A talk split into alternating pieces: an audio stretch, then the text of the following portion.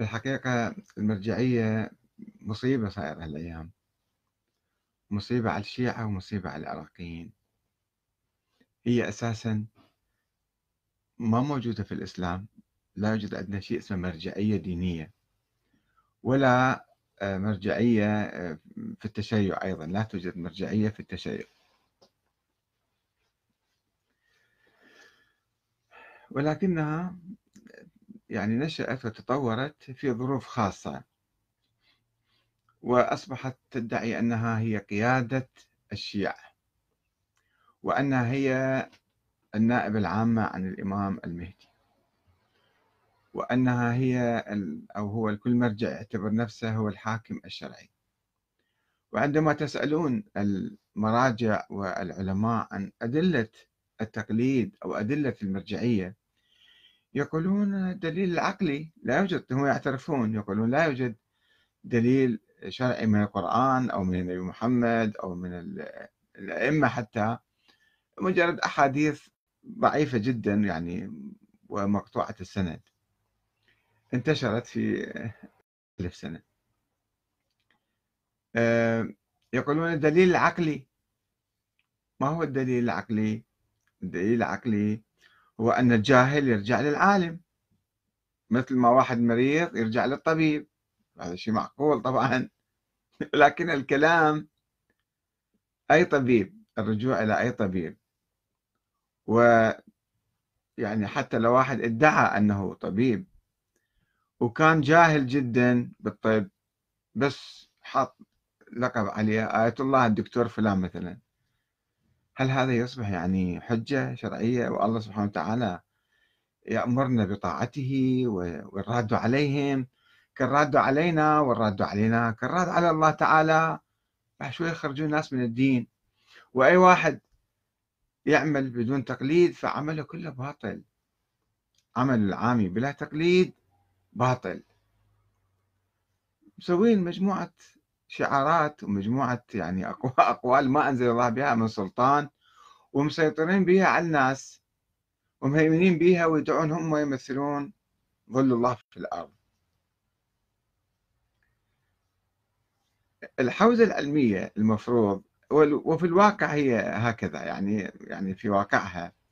الحوزة العلمية آه، هي تمثل قلب الشيعة لأن هي مكان تفكير ويعني ونظر وتحقيق المفروض هكذا يعني. فإذا مرض هذا القلب مرض الجسم كله وأثر على بقية الأعضاء. وهذه الحوزة اللي عندنا اليوم بالنجف خصوصا وربما حتى في كل مكان حتى في قوم يعني أو حتى كذا ولكن بالنجف خصوصا ما يهمنا هذا الشيء نتحدث عنه اليوم. حوزة مريضة. وجاهلة وأمية وما لها علاقة لا بالدين ولا بالعلم. ما لها علاقة لا بالدين ولا بالعلم. كلام صعب طبعا كثير. وأجيب لكم نماذج يعني.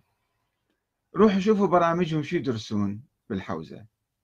ما عندهم دراسة للقرآن.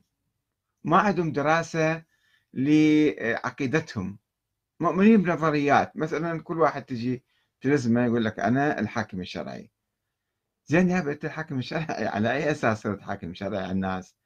وما تعترف بأي حكومة هذه مو شرعية إلا أنا أعطيها إجازة الطريقة الصفوية القديمة. اللي سنها الشيخ علي عبد العال الكركي ادعى أنه نائب الإمام المهدي ادعى هو هو من نفسه يعني سوى نفسه نائب. يعني إمام الله غير موجود. وأعطى إجازة للملك الإيراني الشاه الإيراني طهماز. قال له أنت صير وكيلي وذاك قال له إي والله خوش فكرة هذه. أنت يعني إمامنا وشيخ الإسلام وكل شيء لازم نسمع كلامك. ومن ذاك اليوم صارت المرجعية له بالمكانة وبالتقليد ماشيين الناس بالتقليد الأعمى. وذولا المراجع أو الشيوخ اللي في الحوزة شافيها خوش شغلة هذه. هم ناس يعطوهم فلوس ويسمعون كلامهم ويقدسوهم ويحبون إيديهم. وهم عندهم نظر يعني جهل في جهل حقيقة.